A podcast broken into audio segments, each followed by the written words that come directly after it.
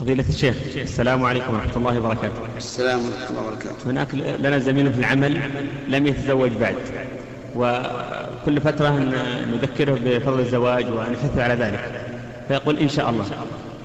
فأحد المرات ألحيت عليه بذلك وقلت لا يجد أظن هناك سبب في عدم زواجك. إيش؟ لا بأس. لا أظن أن هناك سبب في عدم إقبالك على الزواج. فقال إن هناك سبب متردد فيه وهو يقول إنني عقيم ولا, ولا أنجب. هل عندما أريد أن أخطب هل أخبرهم بذلك أم لا؟